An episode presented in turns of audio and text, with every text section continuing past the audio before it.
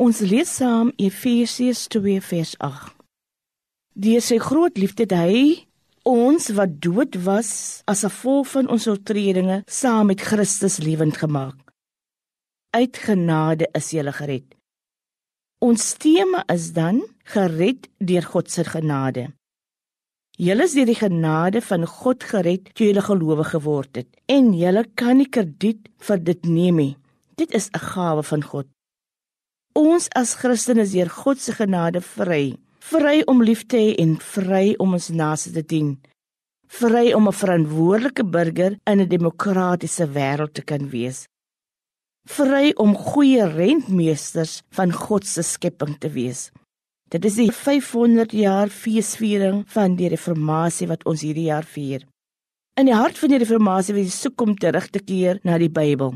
Die reformatie het die nuwe belangrikheid van sy sentraliteit van die skrif beklemtoon.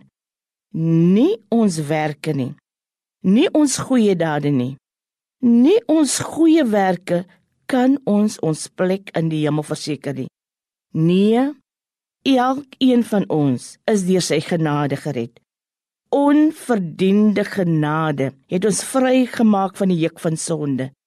Martin Luther, die groot hervormer, het eendag gesê: Voorwaar, ons is gered deur genade alleen, sonder werke of meriete is ons gered. Inderdaad, ons is vrygekoop deur sy bloed. Deur sy genade is ons die kerk alle denominasies, katolieke en luterane en metodiste en protestante en karismatiese kerke en pinksterkerk is geroep om een te wees. Dit is 'n goddelike opdrag, want Jesus het in sy gebed voor sy heen gaan gebid. Ek bid dat julle een mag wees sodat die wêreld kan glo. Kafein het eendag gesê hy sou verbind tot eenheid dat hy ter wille van eenheid 10 see sou oorsteek.